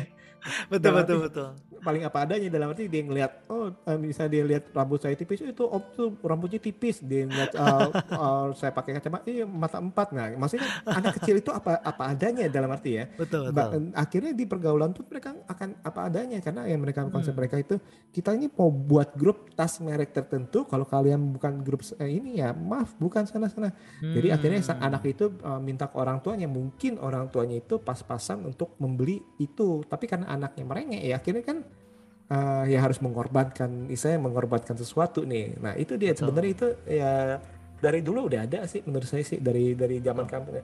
Nah ini ada ada yang bilang ini nih uh, flexing itu bukan ah, saya hanya ah, hanya benda apa penting saya ah, benda apa penting pamer. Jadi istilahnya selain itu eh, mungkin maksudnya gini kata kata salah satu pendengar kita nih kaki kini Mhm. bilang maksudnya eh, flexing itu selain benda juga eh, pamer misalnya misalkan eh, pamer kesibukan wah ini saya Hmm. orangnya sibuk loh saya ini orangnya pekerjaannya istilahnya eh, super sibuk Cie, lagi Ya, meeting ya. ini meeting itu eh, Ah. terus ke misalnya kalau lagi ketemu sama teman istilahnya oh ini ini iya nih gue ini sibuk nih gini gini. Jadi bukan hanya pamer misalnya Iya. pamer cincin pamer jam tapi oh gue ini orangnya super sibuk nih. Ya, saya ini ketemu kamu ini uh, beruntung sekali loh kamu.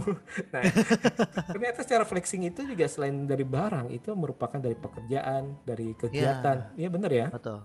Nah, baik lagi Kak, kalau tadi di pembahasan kita yang paling awal itu ya, aku sih kurang setuju kalau ngomong misalnya itu flexing kalau itu Nah, flexing, kalau itu lebih ke ternyata- pamer Eh, karena gini, dalam kasusnya misalnya sibuknya bener nggak sibuk nih. kalau dia pura-pura, aduh aku pergi dulu ya, aku ada janji lagi sama apa. Pas datang ternyata nganggur di rumah, kan banyak ya kasus seperti itu juga. Hmm. Kalau itu bisa dikategorikan sebagai flexing. Tapi kalau semua orang yang ngakunya sibuk, dasar flexing sibuk sok sibuk. Kalau emang ternyata dia beneran sibuk gimana kak? Itu kan belum nggak bisa kita kategorikan sebagai flexing gitu. Memang dia Oke. punya kesibukan Benar. dan kalau selama itu memang asli, kayak aku bilang kan kata kunci itu di kebohongan gitu. Hmm. Selama yang dia katakan itu memang benar, ya jangan dituduh kamu flexing flexing gitu. Orang sibuk kok gitu gitu. Misalnya kayak eh, ak- kalau di pekerjaan aku deh, karena aku balik lagi ke pekerjaan pengalaman aku misalnya kayak, eh, misalnya aku jadi MC, terus ada yang datang tawaran, eh tanggal ini kosong nggak, tanggal ini kosong nggak? Sibuk. Eh, aku tuh bilang wah kalau ini tanggal ini harusnya di take-nya jangan deket-deket hari gitu ya. Kalau bisa berapa bulan sebelum bahkan satu tahun sebelum segala macam. Kan terkesannya kayak sok-sok banget sih gitu. Tapi kan secara nggak langsung kan bagian marketing gitu. Kita mau Hmm. menunjukkan bahwa kita ini eh, jamnya ini eksklusif loh Hmm, dengan betul. kamu eh, dengan kita menunjukkan kesibukan kita kita meeting sana sini kita dealing sama klien baru mereka kan bilang wah kita harus cepetan dealing nih karena nanti takut nih tanggalnya keambil sama orang lain. Itu kan bukan bagian flexing kak menurut aku ya. Oke. itu ba- masuk lagi ke dalam marketing. Tapi ya baik lagi tadi eh sorry ya aku mau pergi nih aku sibuk jadwalnya ada meeting 4 5 taunya nggak ada. Itu yang baru flexing. Itu sih menurut aku kak Oke, ini ada pertanyaan dari Kak Antoni. Apakah flexing itu terkait pada barang semata aja? Mhm. Eh, aku Enggak juga mempelajari ya. flexing ini kayak bahkan aku sampai pernah mendengarkan istilah flexing agamawi dan flexing tokoh katanya. Di mana kalau flexing agamawi adalah kita memfleksikan diri kita rohani sekali gitu ya. Hmm. Eh, kalau kita rohani itu apa emang dampaknya? Eh, Dampaknya adalah saat kita terlihat rohani, kita kan terlihat baik. Jadi Hmm. kita akan eh, dianggap orang orang baik. Selama dia benar agamawi, lalu dia memposting ter- eh, posting di media sosial dengan tujuan misalnya saya ingin orang lain juga ikut agama seperti saya, agamawi juga. Jadi rajin eh, beribadah, jadi ingat Tuhan, itu kan nggak salah kayak. Betul. Aku nggak bisa sebut itu sebagai flexing. Tapi balik lagi kalau ada orang ayo dong. motivasinya. gimana? Kalau dia menunjukkan, wah dia rohani sekali ya, tujuannya buat apa? Biar nanti kalau aku mau minjem uang orang percaya, misalnya kayak Betul. gitu. Itu di situ ada unsur kepentingan tuh. Aku Hmm. langsung menyebut kategorinya sebagai flexing. Nah, Hmm. jadi sekali lagi, flexing jenisnya apakah cuma uang dan benda? Enggak, berbagai jenis dan sekali lagi motivasinya pun berbeda-beda dan betul. tipenya berbeda-beda. Kalau aku pernah dengar juga namanya flexing toko. Tag flexing toko tuh apa sih? Kita juga pernah lihat mungkin ya. Kalau kita datang ke satu toko, eh, pemilik itu rasanya foto sama orang-orang penting. Wih, sama presiden, sama apa gitu. Jujur deh kak, itu bukan flexing bukan menurut kakak? Kalau menurut aku itu flexing loh. Coba misalnya kita tanya ke toko aslinya gitu. Bapak kenal beliau? Enggak. Tapi kita kan rasanya ada ke pride ya kak. Ada pride kalau misalnya kita foto sama orang penting dan kita taruh di tempat kita. Kita ngerasa bangga kalau kita udah sama itu. Itu eh, nggak tahu ya ini bisa jadi perdebatan lagi sih Hmm. gitu ya. Hmm. Makanya ada orang bilang juga seperti itu dengan dia menunjukkan toko-toko itu juga bagian dari flexing sebenarnya. Eh, tapi di satu sisi ya dia jujur, dia kan pernah ketemu dalam arti ya. Iya, pernah itu. ketemu ya. Nah, Nah, seperti itu. balik Hmm. lagi perse- eh, persepsi dan ya tinggal kita menerimanya seperti apa sih gitu. Tapi kalau aku sih makanya nggak mau terlalu semua nih flexing itu flexing nanti bingung sendiri kak capek Hmm, menghakimi hmm, orang lain gitu. Balik lagi kalau selama kita bisa dalam diri kita nggak terlalu baik menghakimi gitu ya. Dan balik lagi benar kata-kata dia misalnya flexing toko, aku beneran ketemu gitu. Aku kan nggak tuh kecuali inilah teman baik saya gitu Nah, ya. kecuali Bisa- ditulis ah, itu. ke- kecuali tulis itu itu flexing gitu ya. Hmm. oh ini saya kenal baik sama semua orang ini itu flexing tapi kalau misalnya kita foto ya kita beneran ketemu sama orang tersebut apa yang bohong kecuali kita edit fotonya Betul. Photoshop Kalau gitu. Photoshop nah itu bener flexing Eh, baik lagi kan jadi jenisnya itu banyak dan ya ada berbagai case yang nggak bisa kita langsung nentuin ini flexing ini bukan banyak yang harus kita lihat faktornya itu sih kak Betul. Nah ini ditanya nih, jadi eh, yang dibilang sesuatu itu dibilang flexing, eh, itu ada pamer dan kebohongan. Betul. Jadi bisa dibilang sesuatu itu dibilang flexing gimana nawa itu dan niatnya. Ya betul. Motivasi Iya. sebenarnya. motivasi, motivasi. Motivasinya dalam arti kayak misalnya gini. eh, saya menunjukkan bahwa saya ini sebagai orang yang beragama supaya kalian ini juga istilahnya kurang eh, ikutlah istilahnya menjadi istilahnya orang yang baik itu oke ya tapi misalkan kalau motivasi nanti tadi itu supaya saya nanti oh ini dengan orang tanda kutip yang seagama tadi itu kan eh, orang ma- manusia itu eh, adalah sifat manusiawi ya dan itu eh, lebih gampang menerima apa yang yang Sama hampir ya. yang sama istilahnya istilahnya gitu ya Hmm. sama sekelompok betul Ya, nah itu kan seperti itu tuh akhirnya itu Hmm. supaya nanti misalnya oh nanti misalkan kalau saya udah deket gini-gini tiba-tiba saya mau jualan barang kalian pasti beli Hmm. saya mau bangun usaha kalian pasti ikut saya Betul. bilang uh, mengatas nah ini nanti malah yang saya lebih ke atas atasnya itu akhirnya itu uh, penipuan dalam arti oh ini kita mau Betul. lagi buat menyumbang ini menyumbang buat uh, bikin panti asuhan menyumbang buat bikin ini buat bikin ini nggak tahu ditilep tuh nah itu kan ada beberapa tuh Ya. kalau kita lihat itu biografi biografi itu banyak sekali kejadian dari Hmm. dari dulu lah dari mana pun itu nah itu dia tuh dalam arti nah Betul. itu yang bahaya bahayanya itu adalah eh, yang seperti itu dan yang memang kesulitannya itu adalah bahwa motivasi motivasi jadi Mhm. tadi itu harus dibedakan antara pertama flexing flexing itu yang kedua self branding ya branding ya yang betul. ketiga itu adalah pamer oke kalau kalau pamer ya dia Aha. udah punya nah nanti Hmm. eh, dengan motivasi dia nyombong ya udah itu pamer Iya. Dan itu pamer rasanya nggak dosa-dosa amat ya kalau kita pamer ya. Nah, Untuk self reward kita juga ya nggak apa-apa. Selama itu benar punya kita balik lagi kan.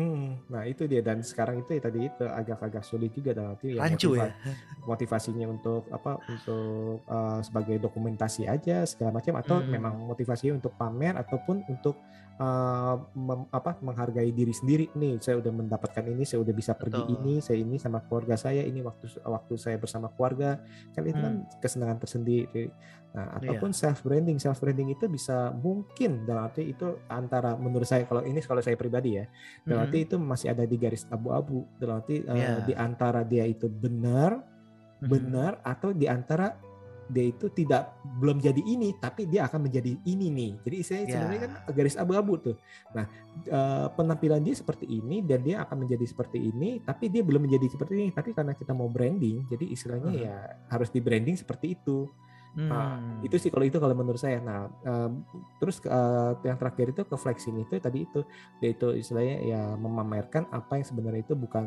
milik dia segala macam. Walaupun walaupun dengan alasan apa pun itu berarti eh, dengan alasan kan saya supaya saya bisa masuk ke kelompok mereka, kan saya supaya saya diterima di kelompok Iya. mereka. Ya akhirnya itu motivasinya mungkin motivasi itu terselubung benar. Nah, ini yang sulit nih. Hmm. Ada yang Iya, iya, motivasinya salah, tindakannya benar.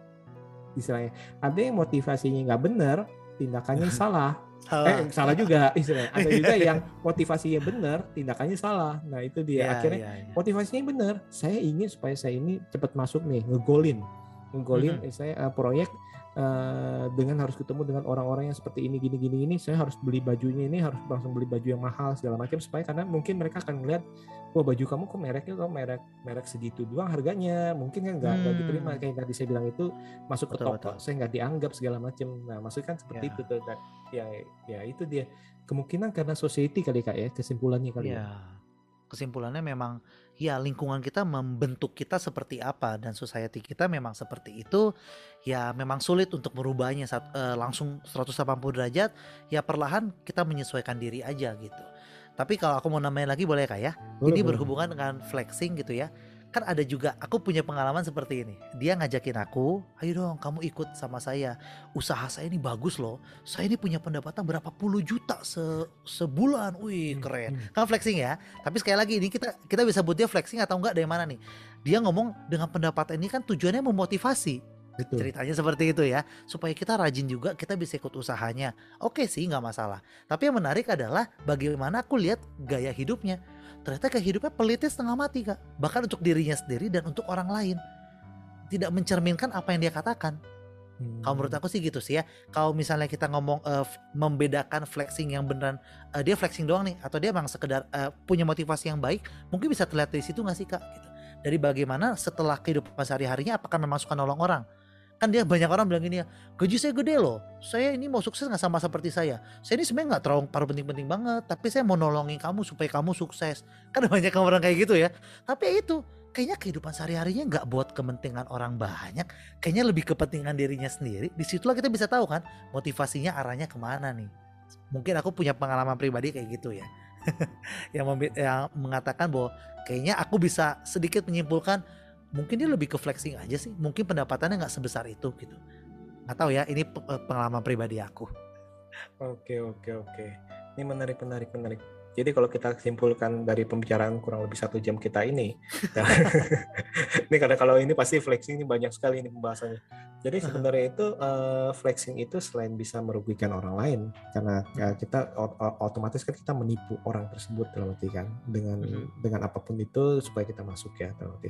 Uh, tapi yang terlebih terlebih yang kita harus pikirkan adalah ini bisa merugikan diri kita sendiri ya, karena dalam arti uh, kalau kita mau flexing flexing flexing terus mau sampai hmm. kapan betul berarti karena itu nggak ada habisnya dalam arti kita masuk ke ke apa ke komunitas A hmm. Oke, okay, yang yang kita bilang kan kita harus uh, aim high higher, yeah. hmm. kita harus uh, aim higher, bisa harus lebih atas lagi. Oke, okay, di atas kita kita aim, kita flexing supaya kita bisa masuk. Oke, okay, akhirnya kita dengan susah supaya kita flexing, akhirnya bisa masuk setelah masuk kita pasti akan lebih atas lagi kita uh, kita aimnya lagi. Nah, akhirnya itu kan nggak habis-habis dalam arti sampai sampai kapan kepuasan kita. Hmm. dan istilahnya uh, selain halo kanana apa kabar dan jadi istilahnya itu nggak akan habis-habis dan istilahnya akhirnya itu akan membakar kita sendiri dan istilahnya tadi itu kita bilang apakah kita rela membeli istilahnya segala sesuatu atau istilahnya demi flexing kita uh, flexing kartu kredit istilahnya flexing uh, bukan kartu kredit jadi flexing mentraktir teman. Hmm.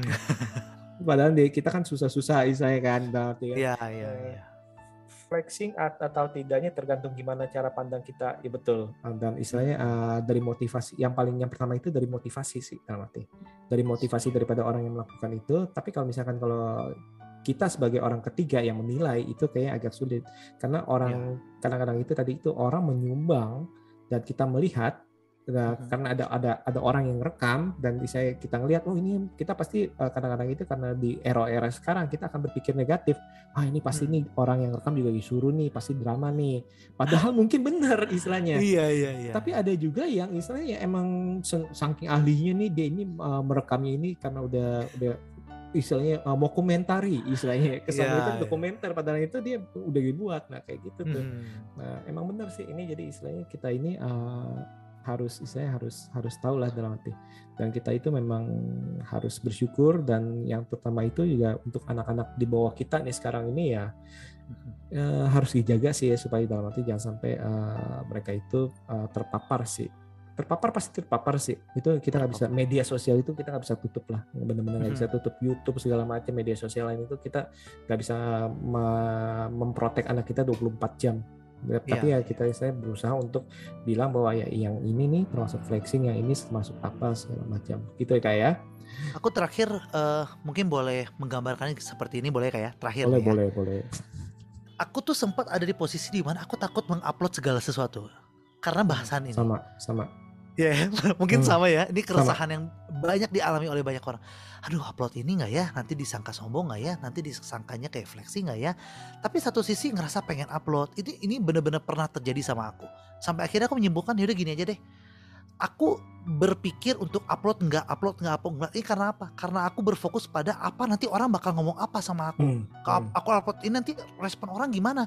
Nanti kalau ngehujat atau gimana gitu. Sampai aku berpikir oke okay, gimana caranya supaya aku nyaman untuk mengupload segala satu media sosial adalah selama aku tahu motivasi aku benar pasti ada nyalain. Aku udah udah ber, uh, membesarkan hati aku terlebih dahulu deh. Udahlah pasti akan ada yang anggap aku sombong, pasti ada yang anggap aku kayak alah ngapain sih kayak gini-gini. Tapi fokus aku adalah ya udah gak usah peduli dengan itu gitu ya. Bagian kita adalah ya udah daripada kau kita seperti itu akhirnya kita capek sendiri. Betul, kita betul. kayak aduh gimana ya, aduh gimana Jadi ya. Nah, ini jadi parno kan? Jadi takut upload tapi satu sisi mau. Ngapain sih kayak kita ribut sama diri kita sendiri gitu? Ayo upload jangan ayo gitu. Aku ngerasa ya udahlah sekarang aku bersiap diri aja untuk gak bisa membatas mulut orang pendapat orang. Ya silakan berpendapat balik lagi ke kalian sendiri deh. Gimana kalian menerima apa yang saya katakan? Nah tapi bagian dari saya ada juga ini belum belum 100% sih saya masih belajar. Bagian saya adalah saya juga harus belajar untuk gak banyak menghakimi orang lain. Hmm, itu dengan, sulit ini yang paling sulit ya. Karena kita memang dari segi manusia kita wah ada aja untuk mau ngomentari orang lain gitu ya. Tapi ya kalau kita sedikit mengomentari orang lain ya harapan hukum tabur tua itu pasti ada lah gitu. Selama kita nggak banyak ngomongin orang, ya kemungkinan juga orang nggak akan banyak ngomongin kita. Tapi mungkin kenapa kita sekarang jadi parno dikit-dikit ini flexing atau enggak ya? Mungkin karena kita terlalu banyak ngomongin orang gitu. Ya, mungkin itu ya. berkaca ya kita berkaca pada Iya kita sendiri berkaca. ya. Eh, Jangan-jangan suka ngomongin orang sih, makanya sekarang jadi parno kan, orang ngomongin kita gitu. Itu sih yang mungkin tips yang bisa diberikan di akhir ya. Gimana caranya supaya kita nggak terlalu dilema gitu ya, ribut sama diri sendiri antara upload atau enggak, kita flexing atau enggak. Ya udahlah, jangan banyak menghakimi orang lain dan siap-siap untuk dihakimi. Hmm, hmm, betul, Karena betul. memang endingnya kita nggak bisa ngatur banyak orang. Betul betul betul ya tadi itu yang waktu kayak perumpamaan yang yang apa misalnya sepasang suami istri istilahnya kan yang di mana Mhm. istrinya naik keledai istilahnya Ya. terus habis itu uh, pas jalan terus orang lihat istrinya kisah lain ini jahat banget sih suruh, suruh suami apa uh, jalan istrinya naik keledai sendiri nah, Mhm. terus habis itu uh, naik Ya. dua-duanya disalahin ini gimana sih kok nggak mikirin keledainya kan berat sih terus giliran istrinya yang turun karena suaminya apa uh, kaki uh, kaki luka gimana istri yomel Hmm. dasar nih uh, suami yomel dasar suami nggak tahu diri masa istrinya suruh jalan kamu enak-enakan karena orang itu kan nggak tahu nggak tahu apa yang Hmm. akan terjadi dan itu memang Akhirnya jalan bisa. berdua ya kak ya. Akhirnya jalan berdua, keledainya dibiarin. Orang bilang, kok bodoh sih mereka suami istri. Padahal ada keledai nggak dipakai ya. untung bukan Jadi apa? untung bukan istilahnya suami istri ngangkut keledainya gitu ya gitu Iya, makin terlihat bodoh gitu. Nah itu dia. Jadi emang bener sih kita nggak bisa menghakimi dalam arti nggak bisa menghakimi orang lain dan karena kita juga ya otomatis kita akan nggak akan luput dari penghakiman orang sih itu sih berarti. Karena kita masih hidup di dunia dan sifat manusiawi dari para manusia bukan bukan sifat manusiawi yang gimana tapi saya eh, sifat dasar manusia yang menilai seseorang itu dari saya apa yang dilihat. Mhm. Sebelum bertanya kadang-kadang itu sering kali mereka langsung menilai dan itu dia yang harus mungkin kita harus istilahnya harus mulai belajar sih. Ya, Oke setuju. oke nih, terima kasih nih eh, Kak Julianto nih. Eh, Sekarang lagi tadi katanya baru pulang MC nih. Gimana gimana? Misalkan MC apa sih? MC apa? Aku MC berbagai acara, jadi MC wedding, untuk MC Sweet Seventeen juga masih aku ambil. Jadi untuk eh, tunangan juga, kebetulan hari ini satu tunangan, satu wedding, dan mencoba juga nih lagi korporat juga, beberapa korporat-korporat juga gitu. Oke, jadi Sweet Seventeen itu supaya lebih muda ya kita ya.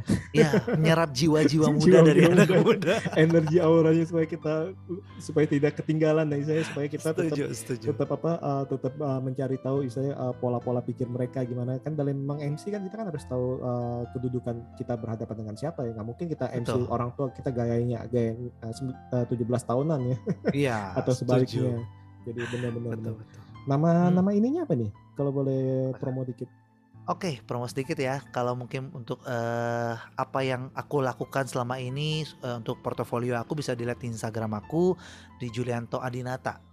Oke, Julianto kita, kita lampirkan Hmm. Oke. Sebenarnya YouTube sempat bikin karena pandemi. Jadi Oke. ngevlog ala-ala. Cuma eh, pandemi sudah berakhir, ngedit juga ngedit sendiri, eh, ngetek-ngetek sendiri. Ya sudahlah, kayaknya cukup eh, sulit. Akhirnya udah nggak ngetek lagi. Ya berdoa aja suatu hari dapat ilham lagi untuk membuat lagi konten YouTube juga. Gitu. Tapi lagi aku juga satu lagi boleh promo ya ya. Boleh, Siapa boleh, tahu boleh. ini juga membantu karena aku kan eh, selain jadi MC eh, aku ngajar juga. Nah, ngajar itu aku ngajar ekonomi sekaligus public speaking. Nah, Oke. aku merasa kayaknya public speaking ini ada suatu hal yang banyak orang takuti gitu ya karena merasa kayaknya aku nggak bisa public speaking nggak bisa ngomong di depan umum deh. Nah aku mau coba mematahkan itu jadi aku mau memberikan tips and trick gitu ya lewat platform yang baru lagi aku mencoba lewat platform TikTok. Nah di TikTok kan Oke. kita bisa ya dari satu konten eh, ada tips and trick yang bisa diberikan.